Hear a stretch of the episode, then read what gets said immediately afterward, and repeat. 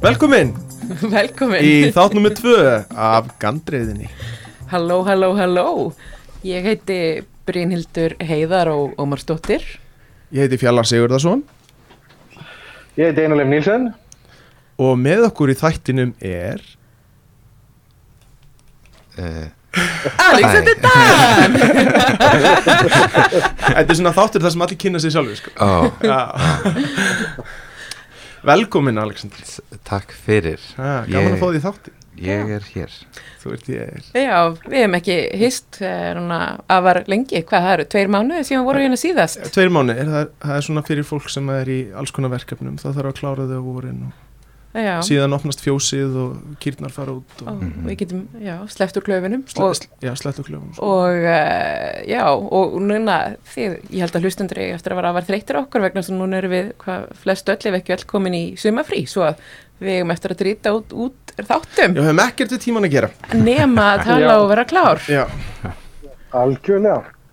Og hvað segiru, er, er, er hérna, nei, við ætlum ekki að tala um veðrið, sorry Eh, En heyrðu, við erum með Alexander hérna og hérna, Alexander er einn af þessum hérna, frumherja höfundum í furðusögum og gaman að tala um það, við töluðum um furðusögur og hvað furðusögur eru alveg í lokin á síðasta þætti mm. og hérna uh, til dæmis eitt af þeim verkum sem að þú Alexander vannst að það var svona blað, furðusagn blað mm. Ef við dembum okkur bara, þú veist, í þetta þá, þá fannst mér aldrei gaman að sjá sko uh, sögurnar sem að eru í furðusagnarblæðinu, getur þú sagt okkur pínu frá í rauninni að að þetta eru furðusögur, hver efnistökin eru þarna í furðusagnar e, Þarna var ég bara að reyna að fá inn eitthvað svona temmilega fjölbreytilegt úrval af uh, þá fantasi um vísindaskálskap og hrylling og ég vildi sína allt saman og sína þetta einhvern tilheri allt saman undir svona förðusagna heitinu. Um, mér fannst mér mikilvægt að koma með eitthvað svona stert hugtak á íslensku yfir þessar sögur og mér langaði að hafa eitt hugtak fyrir þetta genre að því að úti e, í enska bókmyndaheiminum þá er sci-fi og fantasy mjög svona aðskilið og þau eru alltaf að reyna að sammeina undir ýmsum svona, svona reglífart hugtökum sko. Þannig ég vildi bara byrja með eitt hugtak hérna. Og sína ákveðin svona fjölbreytileika í þessu genre uh, á íslensku. Og reyna að draga út úr fólki einhvern svona sér íslenskt element sem var samt eitthvað svona sem ég gæti ekkert uh, treyst á, ég var bara svona að byðla til fólk sem senda mér efni og gá, gá hvað ég fekk upp í hendunar Já, blaðið kemur út uh, 2010 Já. það er nú, hvað orðin, átta ár, við erum orðin svo gömul. það er rosalegt. Og þetta er en að þú í rauninni býr til fætti séð heiti yfir það sem við erum farin að kalla fyrðu, fyrðu skáldskap það er enn í blaðinu myndi ég, myndi ég segja. það er alltaf mjög gaman að sjá fólk pikka þetta upp og svona acceptera þetta sem koncept yfir svona bækur á íslensku mm. um, samt er ennþá svona ennþá þessi svona ákveðni aðskilningur fantasínar og, og vísinda sögunar sem þú veist, sem er alltaf læg sko en mér finnst sko þessi geiri er svo lítill á, á, á Íslandi að ég vil svona svona sterkar saminningu í seninu það er það sem mm. það er það sem mér, mér líst mjög á Já, það verður nú erfitt að, að, að búa til pallbórsumræðar með, með vísinda skáldsughöfundum hérna á Íslandi. Þetta er kannski einmanneski að tala við sjálfa sig hérna fyrir framann, fyrir framann fólk. Já, sennilega frá Danmörk Já, sennilega frá það Danmörku. væri, væri nú hægt að henda í alltaf eitt lítinn panel lítinn því panel. ég, ég held það. Já, já, En ég held, uh, mér finnst þetta nefnilega svo skemmtilegt hugtak en ég held að þetta, er náttúrulega ekki komið allstaðar þetta er svona, þú veist, náttúrulega þessi kjarni sem er að myndast og hefur verið að myndast, kallar þetta fyrir sögur já, en svo höfum við náttúrulega an, annað fólk eins og bara upp í háskóla sem er svona fyrst að heyra þessu eins og rit- ritlistinn og svo leiðis, heyri þetta kannski í gegnum okkur. Og svona þetta er að síast inn og svona fólk er að tekur smá tíma að kaupa þetta, já, jú já, er þetta fyrir vísindaskáldsögu líka og hryllingsögu, Mm. já, ok. En þú veist, svona ég hef heyrt það að sumir, jú, ég, ég er að kaupa hennar titil, sko. Já. Ég, ég, að því að sumir hugsa furðusögur, þá er það weird fiction, sko. Mm, já, einmitt. Og það er náttúrulega sem ég er að uh, vísa í með þessu blaði heitir á blaðinu er hérna Weird Tales uh, já, hérna, já, 1930 cirka sem þú veist þarna verður til svona pölpa menningin svolítið sem mjög margt byggist á út í bandaríkjunum. Já. uh, en uh, ég sá upp í háskóla í bóksölni þá sá ég að þeir eru mertu einhver, einhver tíman tiltöla stutt eftir að blaði kom út kannski veist, árið að tveimur eða ég manna ekki. Þá voru búin að merkja hillinu sínar með sérst, það voru sci-fi fancy bækunar Mhm. tjöfull kunni ég að mynda það Já, veit ekki, veit ekki hver gerði þetta en ég var bara yes ég veit ekki, ég, ég held það ég, það svolítið síðan í bóksölusinu Það hlýður að vera svona, yes, smá ekobúst. það var rosalegt sko.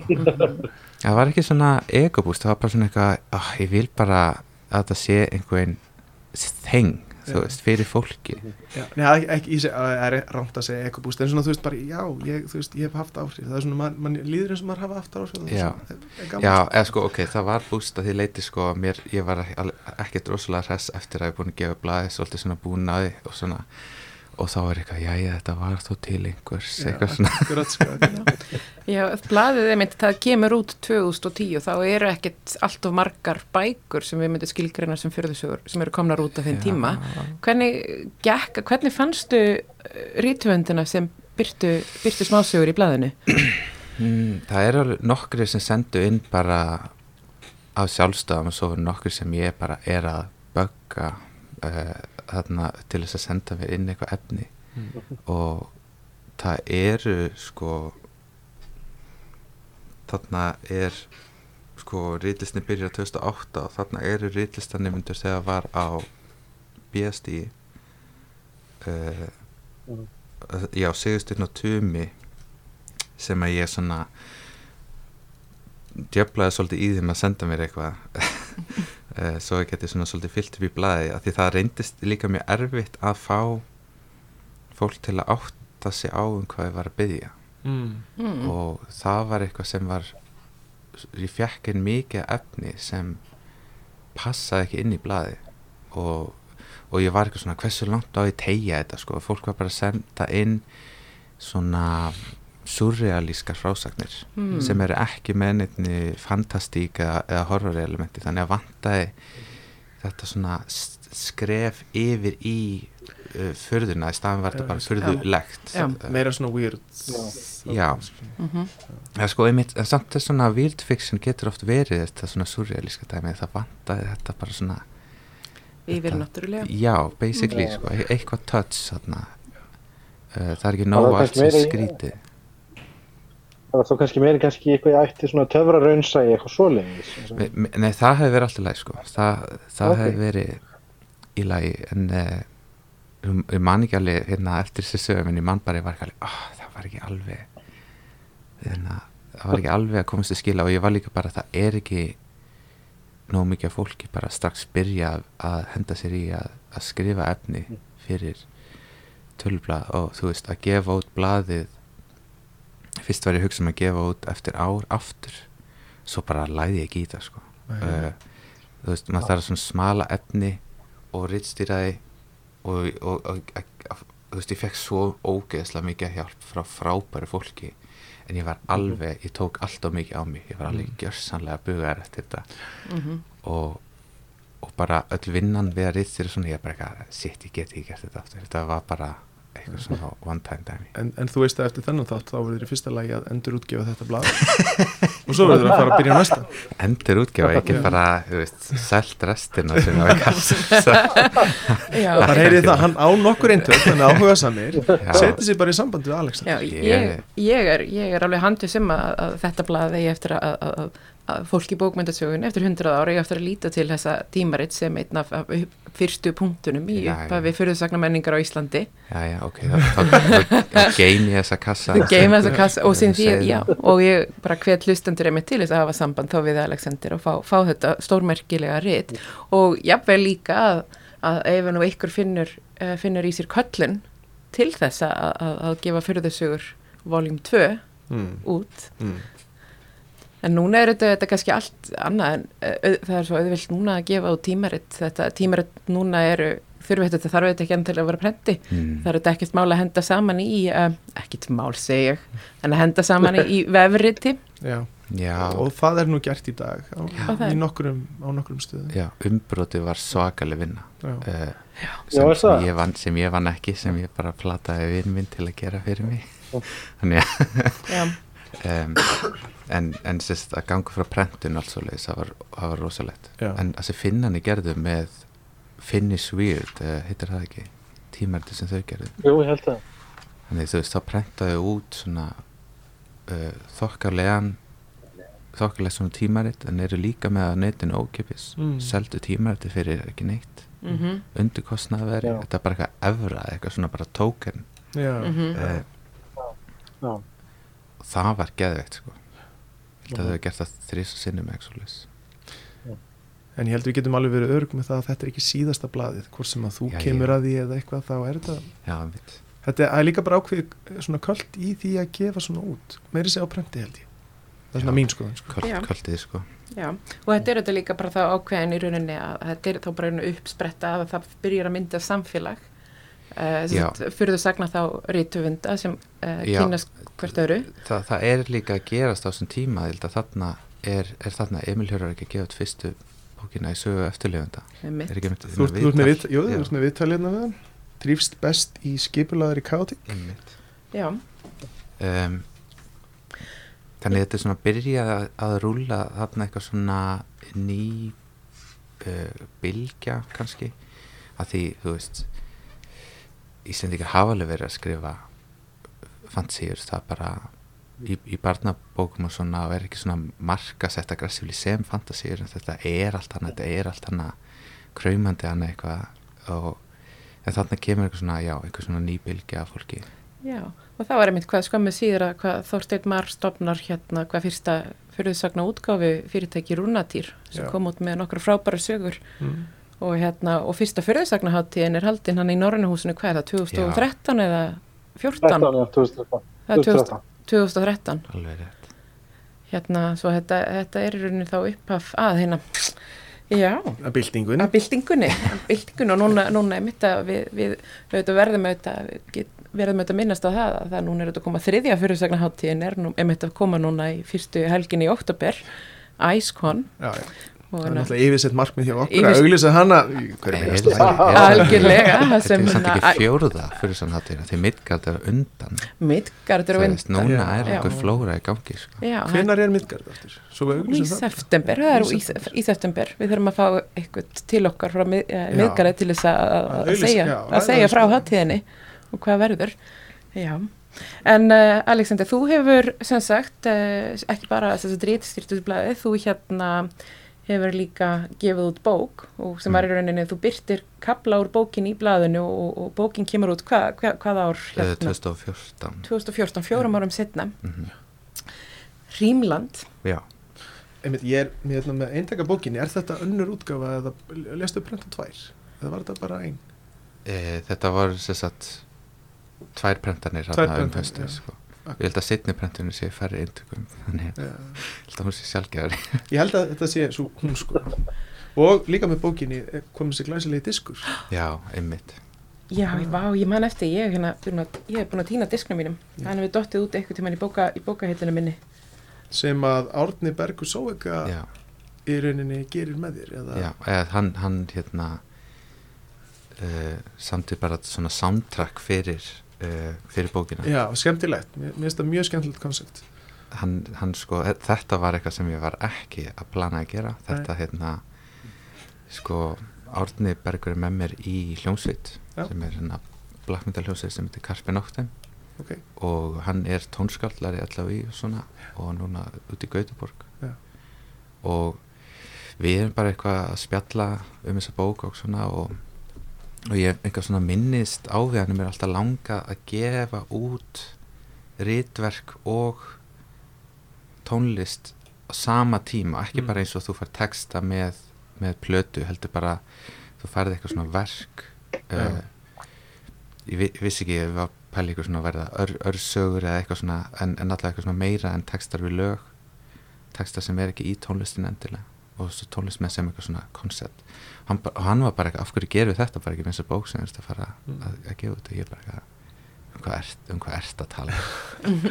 Uh, hann, hann ítti á mig, hann fannst þetta briljant hún langaði líka að gera þetta. Og ég bara ekki, já ok. Þannig hann, hann hendir í þetta soundtrack hérna og mjög skemmtileg svona auka stressi sem var til við að svona átt, Já. átt að þessu og brjóta saman einhverja 200 hérna gestatíska hulstur af mjög skemmtilegt trúið því segðu okkur aðeins frá hérna Hrímlandi, bókinni. Uh,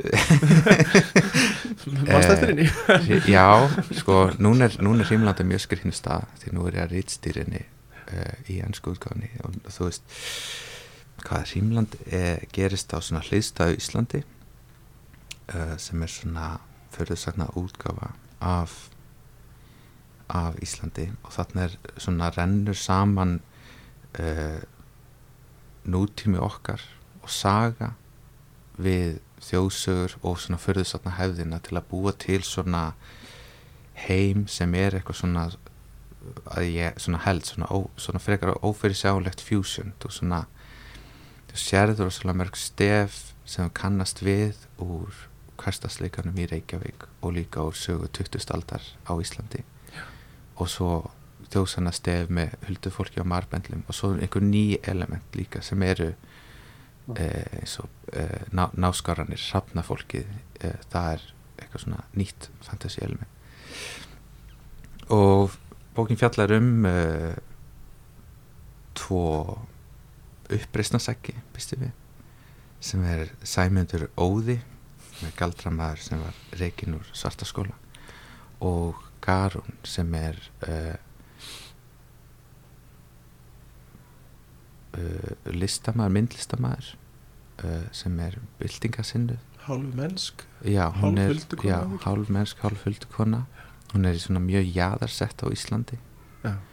og uh, og er að berjast með svona hópi fólks í svona uppreisnar uh, svona leynilegum uppreisnarhóp á móti yfirvaldinu. Mm.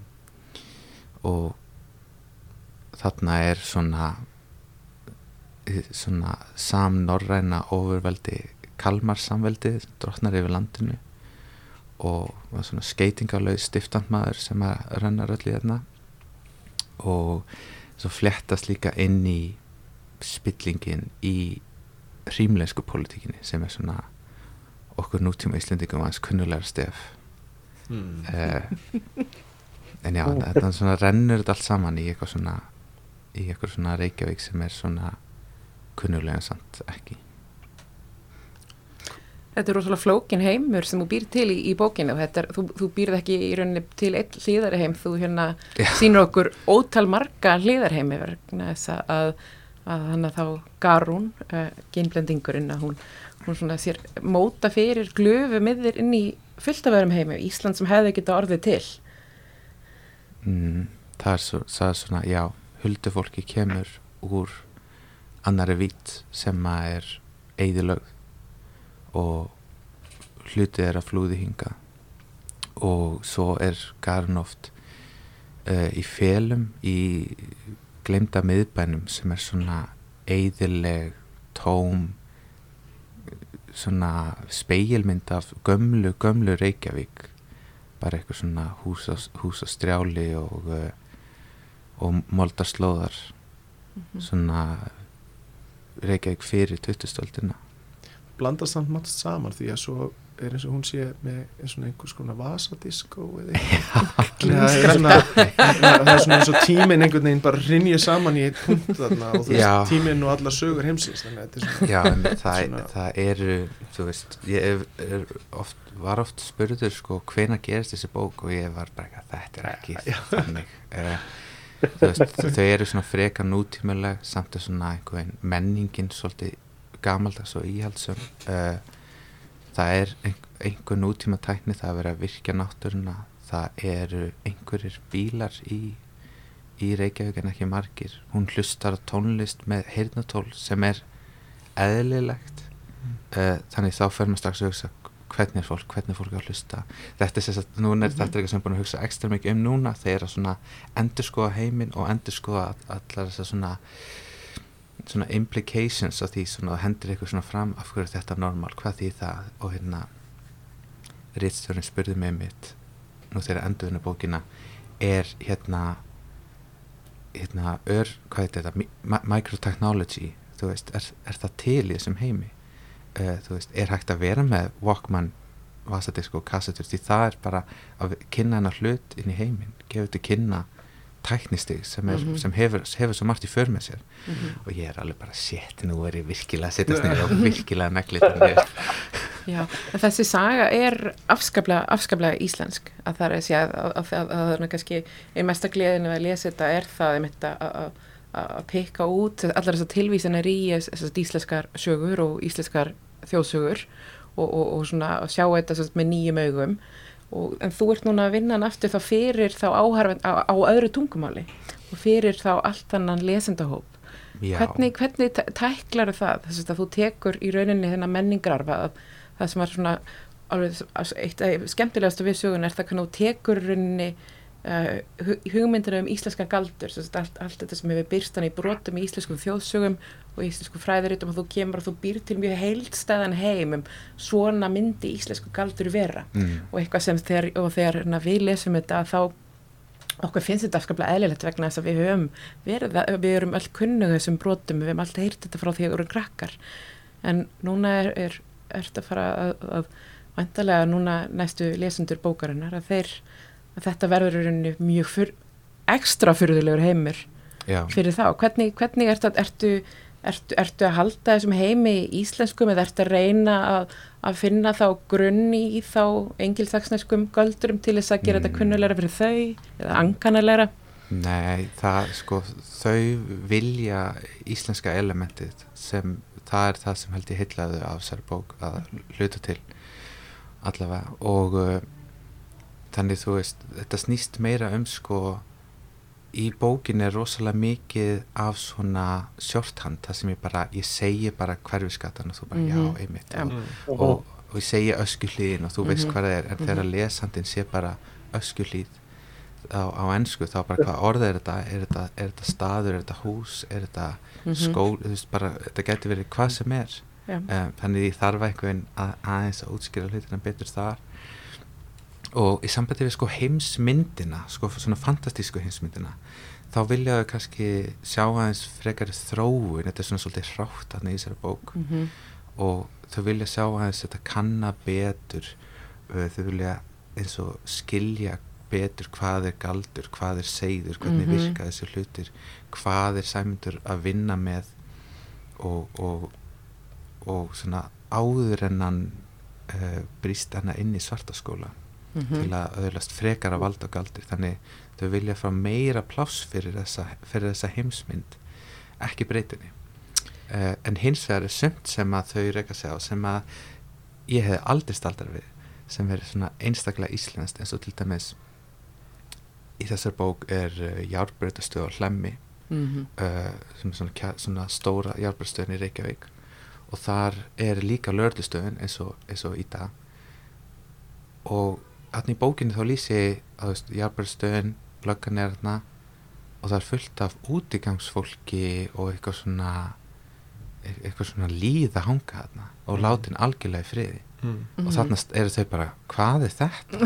þetta gerist ekkert svona, löggan er bara þarna, af hverju eru þau að hanga þarna? Já. og þá er ég bara eitthvað, þetta er hlemmur þú veist, Þetta er ekki ekki hlem já, og ég, þá þarf ég einhvern að út, réttlæta það, eitthvað sem ég hafi, sem svona, ég hafi menningarlega algjörlega tekið sem, Já. svona er þetta bara Hver, fyrir ekki, hverjir eru þessir útgefundur? Er hverslenskir? uh, já, þetta eru hérna breskir uh, útgefendur, uh, þetta heitir örugglega- ég held ég segi þetta aldrei rétt. Uh, sem er uh, útgáfa fyrirtæki sem er held ég svona stærst í uh, fantasy og vísnarskálsöfum í Breitlandi og eitt af elstu svona útgáfa forlöfum uh, á ennsku í heiminum. Og þau eru dóttu fyrirtæki Orion sem er í eigu Hachette, þannig þau eru svona partur af þessari Mhm. Ok. massífu grúpu Mhm. En hvernig hérna En Já, Einar já, ekki, ég var bara velt að mér, við erum búin að tala um þetta, þú veist að vinna enda með eh, þeim hann úti í, í Golans, að sko, nú skrifar bókin uppalega á, á íslensku mm. og, og verið að þýða þetta yfir, erst þú að sjá um þýðinguna sjálfur eða hvernig, hvernig er ferlið í gangi núna? Já, uh, já, ég þýtti sérst bókina sjálfur og uh, ég hugsaði alveg um að, að borga einhver fyrir þýðana en ég bara, þegar ég fór yfir þetta þá bara sá ég að það er svo mikið af heimsmyndinni sem er búin til í tungumálinu og ég bara, ég get ekki, ég verða að átta mig á þessu og Mm. ég, ég sko ætla aldrei að þýða þessa bók, ég ætla bara aldrei að snerta þessa bók aftur sko, þannig til Mhm. að þau þarna höfðu samband en, en uh, það var svolítið snúfið að átta mig á hvernig ég nálgaði söguna á ennsku út af því að ég hef aldrei getað skrifað þessa bók nema á íslensku. Og ég er Mhm. mikið að nota gömul orð og, og skeita saman búið til nýja orð og svona.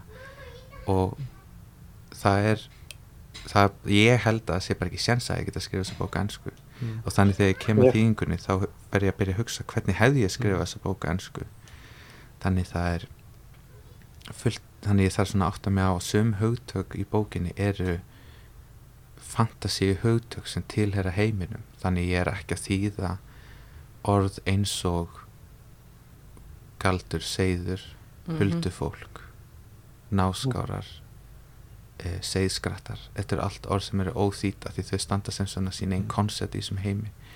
En svo þeir Já. tala um um seið og, og um seiðmagna umhverf og svona, þá þarf ég einhvern að skeita hinn í textan þetta er svona, já, Ég held að þetta komið mjög flott út að Já. hafa þau bara seiður og svona svona englist er þetta bara seiður Já, svo þú þurft þá en þú þurft þá að bæta við, þá býst ég við að þú þurft að búa til þá svona ítarefni, fætti sé að búa til svona litla orðabók naftast í eftirmála og hérna Eh, kort jafnvel, já, Ég var- ég að ekki kannski aðeins að, að svona, svo að fólk getur staðsett sig á hlemmi versus í sko, já, væri þetta að gera kort af borginni? Og þegar þeir skrifa bókina þá teiknaði ég upp hérna lestarkortið og veggina veggina í kringu borgina. Já, því ég mátti ekki klúra því hvar eru mörkin, hvernig mhm, hvar tekur maður lest og hvar, hvað það maður lappa lengi og svona og mhm, uh, en þau eru að byggja um svona þú veist, orðabók og pronunciation guide mhm, og ég er bara, ha, shit, ég veit ekkert hvernig, hvernig ég á að tjá þetta og ég á sem fyrir fyrir góða vinkunu sem er hérna, málfræðingur, hún getur hjálpa mér að setja upp og, og skrifa þetta með þessu hérna hljóð Já, ég maður ekki hvað þetta er sem við lærðum í mentarskóla Já, einmitt. Einmitt. En hérna, já, en segðu mér hérna þessi bók, hvern gefur hann út sjálfur eða Mm. hún er ekki gefun út á stóru forlægi? nei, nei, ég gaf hann út sjálfur Já, Eh, þetta, einmitt, að þetta, er, sem sagt, þetta hefur verið þá einkennandi við þá íslenska fyrirsakamenningu á Íslandi að fyrirsögur hafa ekki enn eru ekki enn gefnar út í miklu magni af þá kannski svo stærri ekki bókaforlugum fengi náð fyrir augum þeirra. Ekki fengi náð. Nei. en núna ert þú núna ert þú í þá í þeirri stöðu að þú ert að taka bók sem kom út fyrir fjórum árum og sjálfsútgefin. Og það er uh, verið að þýða þessa bók og gefin út þá hjá einu elsta, elsta fyrirtæki í Breitlandi sem gefur út uh, fyrðusögur sem tilherir einni af stærstu ef ekki þeirri stærstu útgáfu samstipu í heimi hvað gerðist? Hvernig komst þér að framfæri? Hvernig uppgötu þau þig?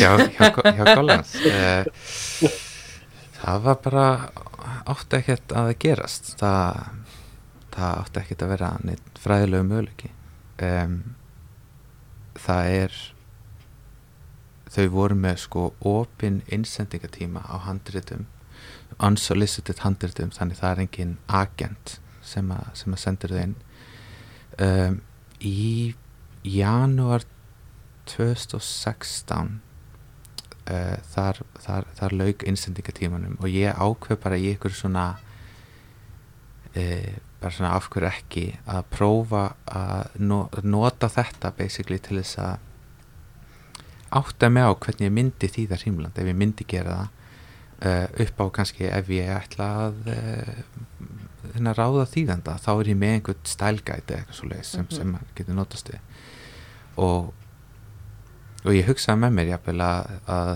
að að því ég var eiginlega ekkert svona að skrifa neitt þarna uh, að það væri fínt að af hverju ekki bara þýðisbók og en ég sendi inn þarna eitthvað svona til brotatekstanum okkar tilhengandi efni uh, í janúar 2016 og ég er ekkert búin að þýða bókina. Og þetta er sko fáranlegt þú sendir ekki inn til forlags óklárað handrit. Mm. það er absúrt Mm. þetta er bara, þetta er bara bjána sem gera þetta. Og ég hugsaði, hei, ég er búin að skrifa bókina. Ég er bara eftir þýðan, hann var bara vilt tungumvali og ég hugsaði, þau, þau vera marga, marga, marga mánu að fara í gegnum þetta. Þetta er aldrei að fara nýtt hvort sem er mm. og ég dunda mig bara við að þýða restina. Sem ég alltaf gerði ekki. Um, það líði einhverju hérna mánuðir og ég er hérna ég er hérna bara á svona mjög skrýtnist að ég er bara sko þegar ég gefu Trímland 2014 þá er ég búin að vera vinna þessari bók og, og öðru líka í mörg ár. Og ég senda hann inn til forlega á Íslandi og þau segja nei. Og það er allt til að en, en ég átta ekki á af hverju þau segja nei. Og þannig ég er að hugsa þú veist, er þessi bók bara bara ömuleg en bara léleg? Er ég bara eitthvað bilaður með þetta? Og eða er það því þetta er fyrðusa og ég vildi ekki segja bara þetta er bara því þetta er fyrðusa og þau mig ekki taka sénsinn að þau mista svona sérlítni sem Mm. ég vildi ekki alveg ekki alveg sagan sem ég vildi segja sjálfur mér uh, svo fæ ég það staðfest setna frá allavega einu fórlegi að, að það var út af því að þú veist þetta var svona eitthvað efnileg saga og aðteglisverð, hún var off-space basically Mm. Mhm. og í kommentum, við fæðum svona ítalega kommentana uh, sem ég er mjög þakkláttur fyrir þá segja þau bara segir einn lesarinn hjá þeim bara bara þýta yfir ennsku og gefa út sem Dark Icelandic Fantasy Eitthvað. Og ég var bara eitthvað pínu brjálaður bara, hv- hvað er að segja mér þessu bóðlegt í þýðingu á einhverju heimsmarkaði og ekki bara hérna? Mhm. ég, ég Að- en, eh, en sérst, eftir allt þetta að gefa þessu bók og alveg svo með að gefa út fyrir sér þá var það bara mjög líjandi Mm. og, og og djöfitt sem að gott fólk hjálpaði mér í því líka. Það er bara ótrúlegt. Ótrúlega er ótrúlega þakkláttu fyrir að fólk sem er hjálpað mér þú veist að lesi verið að brjóta um þetta standa í þessu rugli. Og en, en sagt, þetta er bara ekki fyrir mig að gefa út gefa mér þess að gefa út mín ein bók ég var bara eitthvað Christ.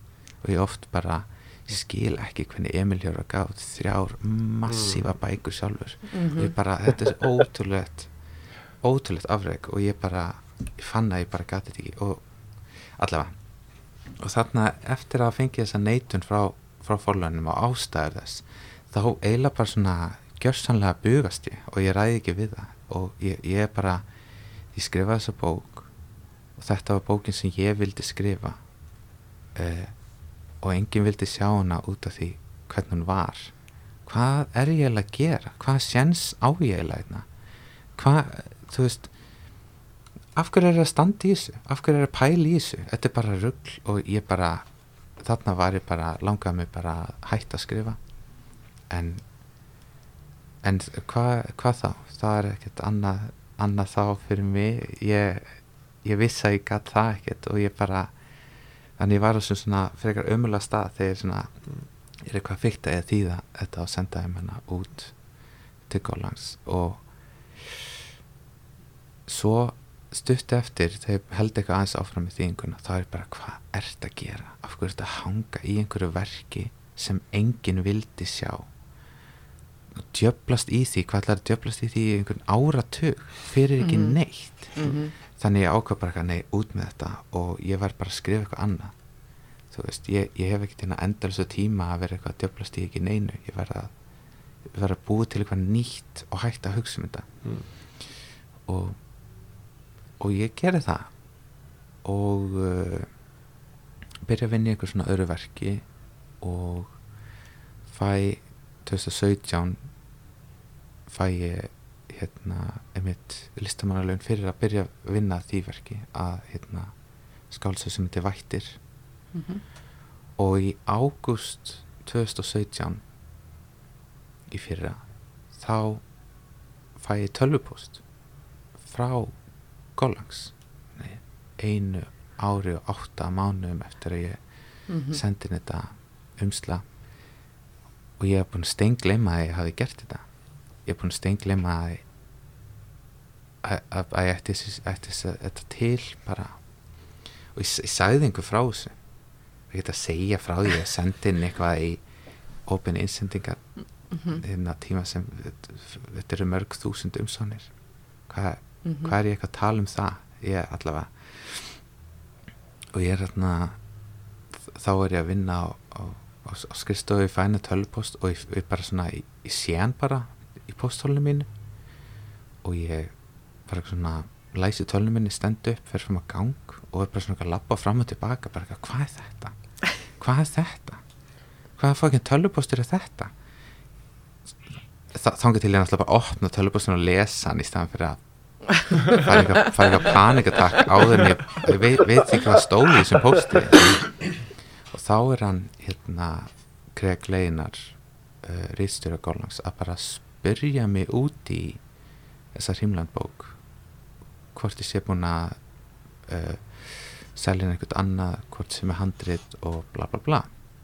Og þarna er ég bara sjokkeraður að því það átti ekkert neitt að hafa samftum út af þessu og ég er náttúrulega strax fyrir svona mjög hressilegt svona blöndu af einhver svona spennu og kvíða að ég er ekki búin að þýða bókina og ég veit alveg sko ég veit alveg að úti þá er það þannig að þú sendir inn eitthvað og ert ekki með handrit þá er þið bara neitað Mhm. bara mm. default þannig er þetta bara og þegar þau eru búin að segja nei þá segir þau aldrei aftur já og ég bara, ég er búin að fucking kulúðra þessu á tæknilegum feil. Ég er fáviti. Og ég bara ég veit ekki hvað að segja við hann sko. Og ég ákveð bara að koma koma reynd fram, ég er ekki að fara að bylla mig í getnum þetta, ég er ekki að fara að þýða nokkur hundur blaðsýður á tveim dögum eða eitthvað. Uh, en ég segja henni bara þetta allt þetta með bara ég gafst upp á þessu, ég þurfti að skrifa eitthvað nýtt ég hafði bara svona mikið tíma til að skrifa og ég var bara að halda áfram. Sorry, má ég því að restina senda og það kom mér uh, svo óvart að hann var til í að skoða þetta. Mm. og hann síndi mér sko, hann síndi mér bara skilning með þetta. Hann var bara eitthvað ég veit að það er erfitt að, að, að reyna að djöflast að vera einhver rítöndur og, og maður þarf að nýta tíman eins og, eins og maður gerir og, og þarna voru allir í sumafriði líka. Þannig að gaf mér eitthvað svona þrjár vikur til að, til að tíðins mikið við gat. Og s- sagði mér bara vera bara rólegur yfir þessu. Og uh, og ég basically öll kvöld og alla morgna árni fyrir að vinna þá er ég að þýða restinu bókinni. Og næ ekki að klára hana fyrir fyrsta september. Það er, finnst mér ekki gott uh, en ég er alveg með synopsis og svona fyrir restina af bókinni en ég er alveg bara shit. Og hann er sem sagt að fara hann kynir hana fyrir uh, fyrirtækinu sínu, fólkinu dildinu svona. ég áttum ekki alveg á hvað þetta er. Hann segir bara, ég þarf svona að kynna verki og, og svona ég pitcha og, og fólk uh, fólk þarf að vera svona samanlum með þessu góð hugmynd það er ekkert bara einhver einn eða tveir sem ráðu öll hana þetta er eitthvað svona sammeila ákvörun og þarna er ég svona búin að reyna að fiska bara eitthvað, hvað er í gangi, hvað er það búin að gera síni sendið þannig inn til ykkar? Uh, og hann svona segir að hann hafi svona hægt og rólega þegar fóru gegnum þessi handrit þá hafa hann einhvern muna eftir þessu og farið, kíkt aftur á þetta og svo byrja hann að ótaði öðru fólki. Mm. Þetta er eitthvað svona rosa pólitíst múr sko. þú er svona Mm. hægt að rólega að er einhver annar sammála mér um að þetta sé aðdeglisvert og þegar kom einhver hljómgrunn þá ákveðin að hafa samt um mig og ég hérna þau haldin að fund með óklar handrit og hann spyr mig að hverju öðru ég sé að vinni og ég segi hann það bara eitthvað svona verkefni og eitthvað svona rælni minnist ég á framhaldsbúkina Hrímlandi sem ég í miðjum klíðin þegar ég var að skrifa þessa bók þá það áttu sko fyrst að vera þrjár alpersonur í þessari bók og ég kötta eina út Mhm. og allt og mikið Mhm. og, og út frá henni verður alveg til svona önnur sag þetta, þetta er eitthvað annað sko Mm. og svo þarna er ég bara nennur stoppaði mig af bara ekki byrja að skrifa framhaldsbók þau er ennþá bara valla hálnaðar með fyrstu bókina eh, en ég átti þetta konsept til og, og, og einhver texta sko. Þannig ég pizza því til þeirra. Þannig uh, þau senda mér samningstilbúð fyrir Rímlandi og framhaldsbókinni. Ok, eh, og þá fæ ég aftur þessu svona skemmtilegu spennu tilfinningu og svona kvíða að því ég horfa samningstilbúð og ég bara hvað er að gerast hérna? Prósentur og upphæðir og ég bara eitthvað, hvað er eðlilegt Hva, hvað réttindi eru þetta? Réttindi sem eru að byggja sem veit ekki hvað eru. Og ég googla, googla og finn ekki neitt.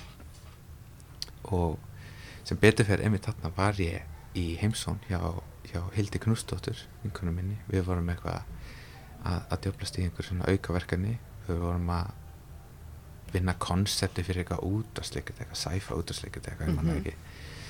og hún segir við mig bara nei, ekkert kjáft þig. Núna sendir þú bara tölvupost á agent og fiskar bara agent til að díla þetta fyrir því og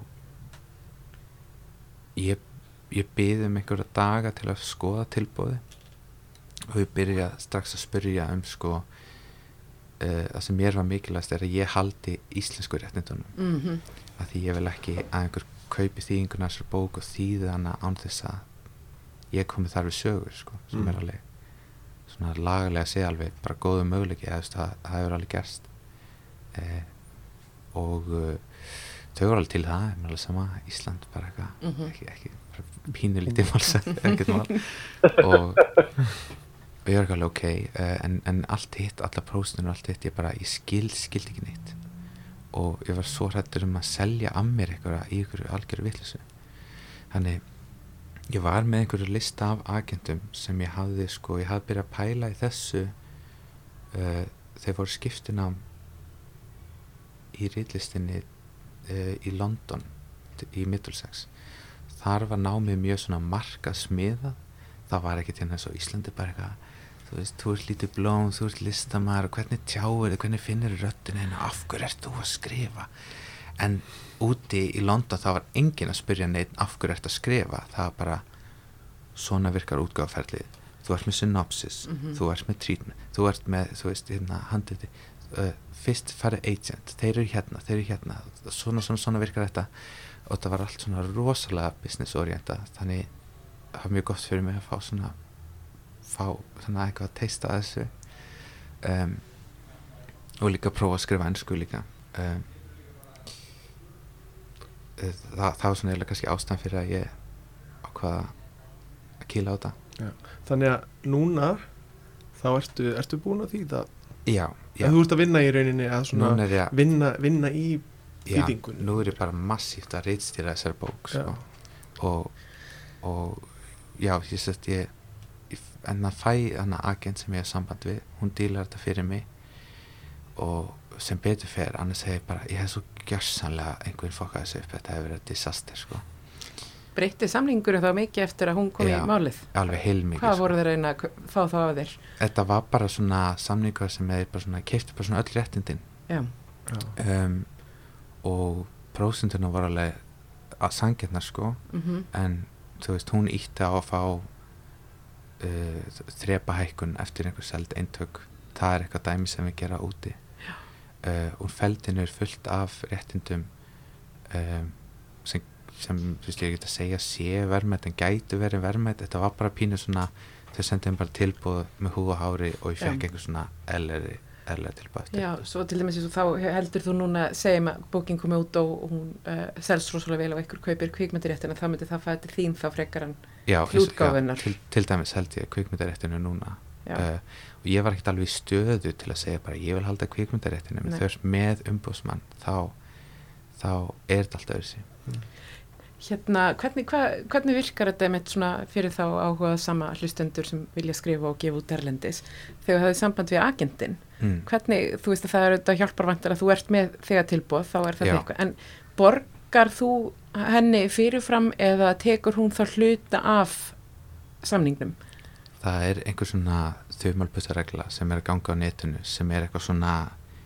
peningarnir flæði alltaf að listamanninum eitthvað Mhm. svoleiðis þannig að maður ætti aldrei að borga umbúsmanni sínum neitt mm -hmm. þau taka alltaf prósentur af því sem þau selja fyrir þína hönd Mhm. en eða svona negósiera fyrir þína hönd þannig að ég sendi henni bara svona fyrir spurnabrif uh, sem ég segi bara uh, skoða hennar leiðbenningar að mjög mismandi fólk vil yfirleitt fá eitthvað um höfundin eitthvað pitch fyrir verkið stundum vilja að fá textan úr verkinu sjálfu, stundum ekki þannig ég fór eftir svona hennar reglum og reyndi að leggja mikla áherslu á að væri með samlistilbúð núna og þurfti að díla með núna maður fór Mhm. svar núna, Mhm. afsækið af því það var eitthvað tveggja veikna svar eitthvað svona frestur gefin upp Mm. og ég bara, ég verið að fá svar eftir eitthvað dag hérna. Mhm.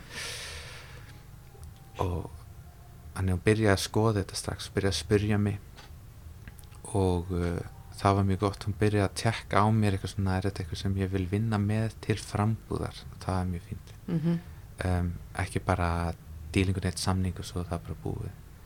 Um, þannig að maður verður að skoða mikið svona úti, úti rakið með það að fólk var bara eitthvað desperat í að fá agent. Og ég svona skildi ekki alveg þetta f- f- fyrirkomulega og og það var pínu svona eins og að fólk myndi bara taka hverju sem er hverju sem býðst og það er svolítið ókveikandi dæmi að því að þegar búinn að selja einhver réttindi þá er það bara þannig og bara gangi manni vel að fá tilbaka býði einhverja áratugi eftir einhver hætti að veist, endurprenta eða eitthvað svona, ég veit ekki yfirleitt Mhm. er bara að hald sitja á þessu heilengi þannig að og maður verður líka að finna agent, maður verður að stúdera svolítið listan þeirra.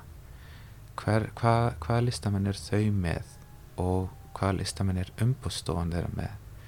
Og þú veist, er þetta fólk sem er að fara að ko- koma þér á einhvern svipan stað og á einhvern stað sem þú vilt vera á sem svipan og þetta fólk sem þau eru að representera á svona. Eitthvað svona. Já, En, já, en bókin núna, þú ert sagt búin að þýða hana Já. og hvað, er, heitur hún þá rímlega, er þetta þá krímóki á Nei, hún heitir Shadows of the Short Days á hansku Shadows of the Short Days Það Mhm. hérna fór sko hann var mjög sáttu þegar ég sagði að ég væri alveg til að skoða alls konar titla, bara hvaða titla sem er Mm. Mhm. og að því á ennsku að vera með titla á íslensku það gengur ekkert alveg svo vel eh, ég hef samt heyrt að fólk sé að gera þetta í Þískalandi hafa bara íslenska titilin á einhverju glæpasögu Já. þá er hún svo framandi þá er þetta svínvirka Fraklandi líka. Já. það finnst mér magna sko Já. um, og hérna, er, hún, er, hún er þá er þá lengri á ennskunni þú ert, að- ertu þá að gera hana þá ítarlegri eins og þú Já. segir, þú þarft að útskýra svo margt að byggja heiminn í sko, já, ég þarf að plottið er bara ekki nógu stert í Mhm. þessari bók núna Mhm. og það þurfti bara að taka það í gegn Mhm. og það í lítilega bara á hérna Hrímland er bara svona eins og unnið uppkast uh, þú veist ég vann í þessu sjálfur eins og gat ég réð til mín rítstjóra sem reyndist mér mjög vel um, en þetta var samt ekki eins og vera með forla að, fara í gegnum þetta með manni Mm. og þannig eins og ég fæ komment frá honum hérna fyrir árinu sem er bara 30 blaðsina handrit eða handrit skjál sem, Mhm. sem er bara að fara yfir söguna, personar flæði eftir hlutum uh, koncept svona eins og galdurinn og svo leiðis og, og líka bara svona gróflega kapla fyrir kapla Ok. um, þannig núna er ég bara endur struktúra mjög mikið í þessar bóku breytinu ég er reynd alltaf að spyrja mig hver er kjarni bókarinnar hver er svona rödd bókarinnar og þeirra breytinu þeirra gera þá er ég alltaf að segja sjálf mér ég sé að gera meira úr henni. Ég sé að komast nær einhverju því sem hann á að vera.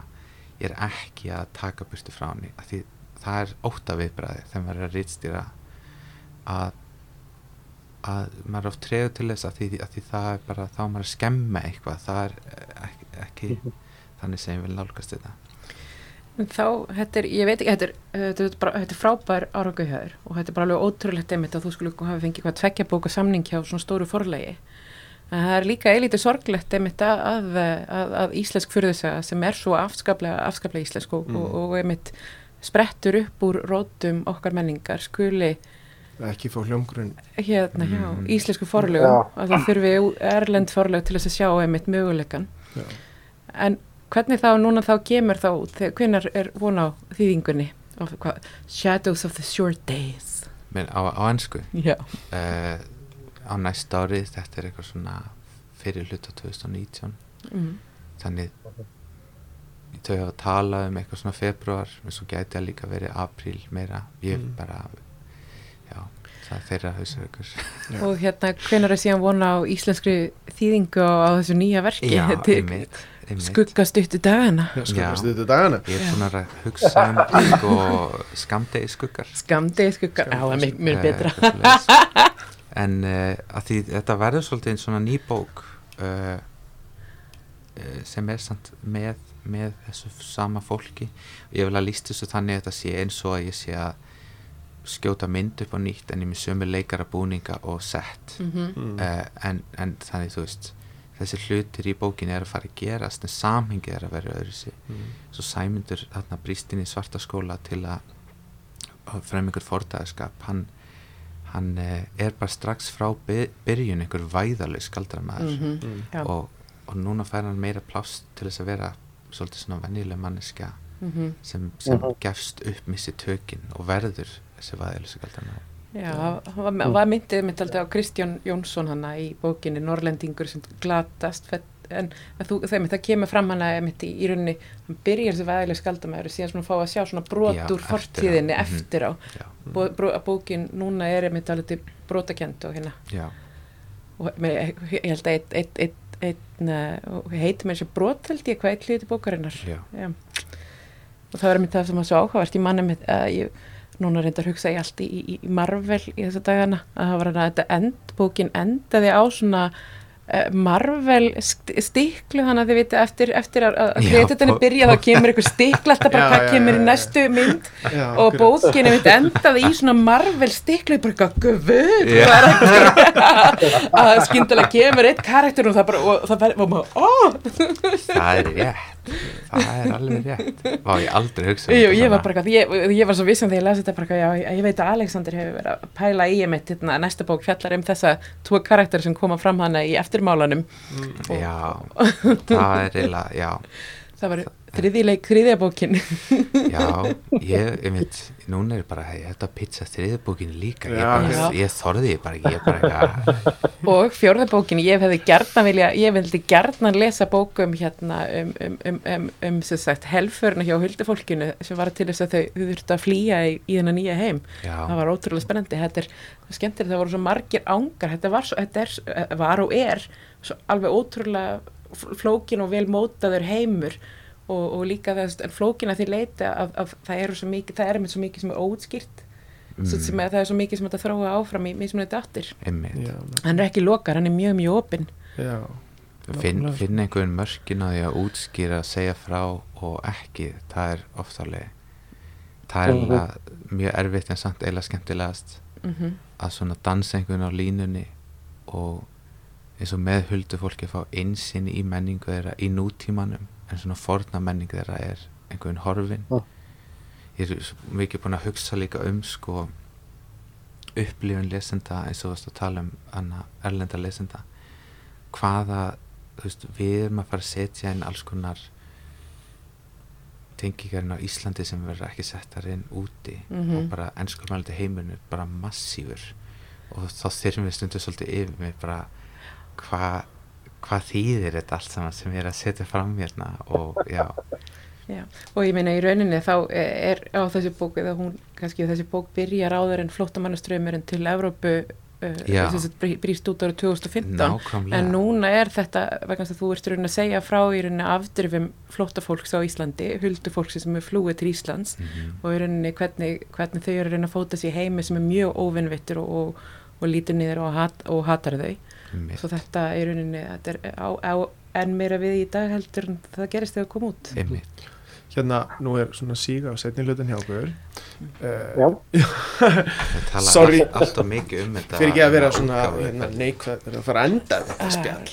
Bókasafni fyrir að henda okkur út. Við, bókasafni fyrir henda okkur við út. verðum með mitt að nota tækifæri að, að, að auglýsa þetta frábæra stúdíu sem Já. við erum stödd í hérna og, og henda og eitthvað svo ásvo vel við um umfjöllunarefni þáttarins. Þau kallar þetta held í hljóðvarp stofunar hljóðvarpstofan í, í borgarbókasafni í Kvosinni og hérna og frábært. frábært herbyrgi sem er með hljóðdempað af bara bókastöflum upp um alla veggi. Já, og hérna þetta er það sem kæru hlustendur að ef þið viljið eh, stofna ykkur eða hlaðvarpa þá getið þið bara haft samband við bókasafni og bókatíma í stúdíói nákvæmlega þetta er staðurinn. Þetta er staðurinn. En áður en við sleppið þér hérna bókin nummer tvö sem þú ert að vinna með þriðju personinu sem að fekk ekki verið bók nummer eitt. Mm. hvernig gengur það? bara svona Það- rétt smá sko, teaser já, ég hef búin að vera að vinna struktúrin aðeins, þú veist, ég er ekki byrjað að skrifa hana þannig en ég er að vinna struktúrin sem ég var komin með aðeins áfram. Og í svona sambandi við uh, líka breytingarnar á þessari bók og tengja meira við þá framhaldsbókina að ein- einhver leiti og ég get sagt að ein persóna verður verkakona í Vestmanneim einstæð móðir mm. hinn verður uh, svona vísindamaður og segskratti í fortlefa uppgröfti út á Mm. landi mm. og, það og er ekki að segja mér hvað ertu komin áfram? Ég skrifi það. Ertu komin með einhverja svona kabla eitthvað? Svona, í á uh, setnbókinni já. nei, nei, nei, nei, Er, nei. er þetta bara svona í handriti eða svona í já, já, útlínum? já, já, já, Já. það er veistu hvort þú ætlar að, að skrifa hana á íslensku og þýða svo eða ætlar að bara skrifa hana beint á einsku? Ó, það er sko málið sko það er markasöflin sko, markasöflin. nú er búin að skrifa mjög mikið efni fyrir hérna Shadows á, uh, á ensku. En þegar ég er að skrifa það þá er ég samt líka að hugsa á íslensku á einhver svona undarlega nátt ég er að hugsa til dæmis er að skrifa samtöl þá reynir ég að hugsa hvað er fólkið að segja á íslensku og þýða það frekar en að láta að tala saman á ensku. Mm þannig að ég veit ekki hversu góð svona þýðinga aðferð það er þú veist ég en, en, en, en ég náttúrulega er bara að skrifa bókina þannig að ég er bara að gera það sem ég Já, en þeir eru þetta hrímlendingar að tala já, ekki englendingar. En við erum bara spennt. mm mm, já, Já, en uh, við okkur var þetta í huga að hvort að þú gætir að lesið fyrir okkur stutt brot úr bókinni þinni mm, jafnvel eitthvað stutt brot úr mögul er það ekki að heyra kannski úr þeim kapla sem heitlaði útgefandina þín og svo upp úr skónum? Út í Englandi? Í Rimlandi Já, Já, Rímlandi. uh, kapla Er einhver svona, lí- er svona einhver líkil kabli eða líkil sena, eitthvað sem að þú veist að eftir að grípa, grípa fólk. Já. Já, líka einnig kannski fyrir hlustendur sem vilja lesa bókina. Ef hérna, hún er að sjálfsögðu til á bókasöfnum en ef, ef uh, fólk vil kaupa þessu bók og ég mæli með því, þetta er frábær bók er, er þetta að finna hana í, í bókasöfnum eða, já, nei, bóka, eh, í bókabúðum. E, nei, ekki bókabúðum. Það, það er allt, það er lengur búið. Það eru einhver eintök á bókasöfnum mm en uh, ekki alveg nærri því ekki öllum borgarbókasöfnum og svona -hmm. ég egnaðist mitt eintak til dæmis bara á Facebook. Í já, svona, í svona bóka, kaupum og seljum grúpu. Sko. já, ok ok þá hérna, er, ó, ég þarf að halda, halda vel upp á mitt eintæki, þetta er ófáanlegt Það, það er alveg tvö ár síðan ég kefti þetta. Sko. Já, uh, já, ég veit ekki ég Vá, ég veit það ekki uh, Þetta er alltaf, við syngjum, við skulum bara syngja með hann og leitar að kabla. Gæti ég lesið bara byrjunina Já, lestu. Já. Mhm. kom, kom mér óvart að, sko þeim ég, ég fannst þessi byrjun verið eitthvað svo allt og lástend Mhm. það er svo Mm. úti þegar við að tala um hvern, hvernig að skrifa bækur þá er alltaf bara byrjunin verður að vera svo rosalega mikill krókur. Þú bara, þú veist, þú bara kýlir lesandan í þindina og krækir í hann og bara nú erum við að fara í ferðala mm. og, og sleppir aldrei tökunum. Og þetta er bara svona eitthvað sem ég er svona ekki alveg samála mm. e, en þú veist, þú verður samt að vanda byrjunina. Það er bara þannig en það, ég var handið sem að ég væri með ömulega byrjun bara svona ógeðslega leðilega en svo segja þau mér að nei, þeim fannst byrjunin heitlandi mm. og ég þá er ég bara eitthvað svona endur sko allt bara eitthvað leik, af hverju og hvað var ég, hvað var ég að gera þarna? Mm -hmm. og hvernig get ég gert það mm -hmm. Vildi ekki bara grípa niður í hana? Grípum, já, heyrum, heyrum uppæðið á, á, á Hrínlandi eftir Aleksandri Dani. Upplestri. og það verður sem bara loka orðin ef ekki bara kengur út. Já, þá síðan það var bara loka orðin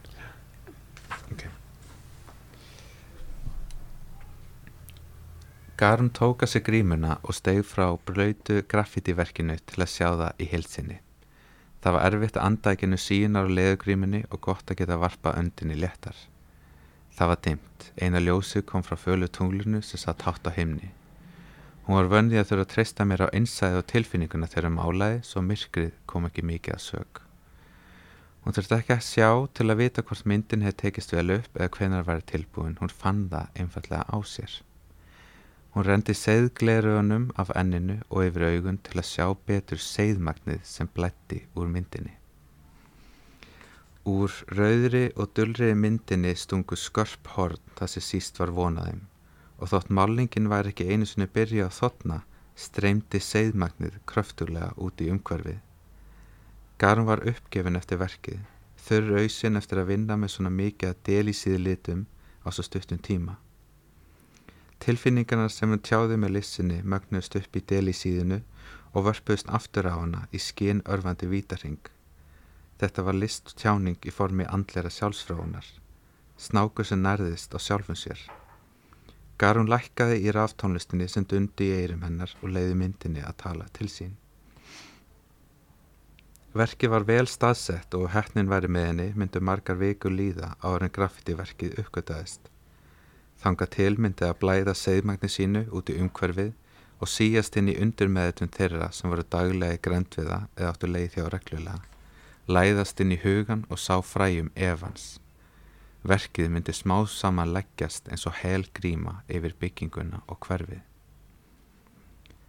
Garun stóð upp á þakki krambúðarinnar, verslunari eigu Sigurða Torvaldsen, kaupmann sem rak fjölmörg fyrirtæki á höfuborgarsvæðinu Þetta var eins og vinsalasta nýlöndu veru vestlun borgarinnar.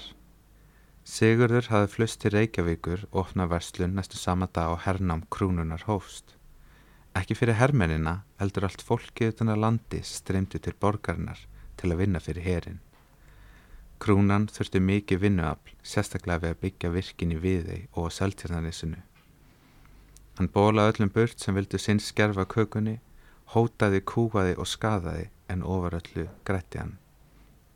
Þegar hernám var landnám og virki nýlendu herrina risu var Sigurður Torvalsen vel auguður maður og Reykjavík stórborg.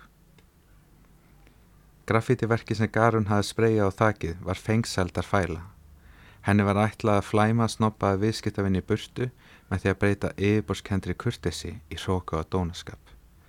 Krambúðun sérhæði sig í innfluttum luxusvörum Framandi krydd, handgerða sápur, sælgæti og ylfun voru aðeins brota varningnum í bóði.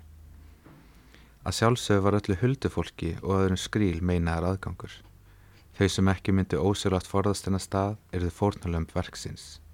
Frekir viðskiptavinninir ætti til að rífast í starfsfólki sem er að samanskapi óleðilegt og yfirlætisfullt.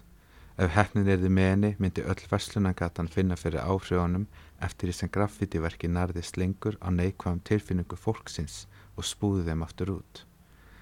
Hún vonaði að það eftir að standa eftir óareitt lengur en síðustu myndir hennar sem allar hafa fundist aðeins nokkur döðu síðar.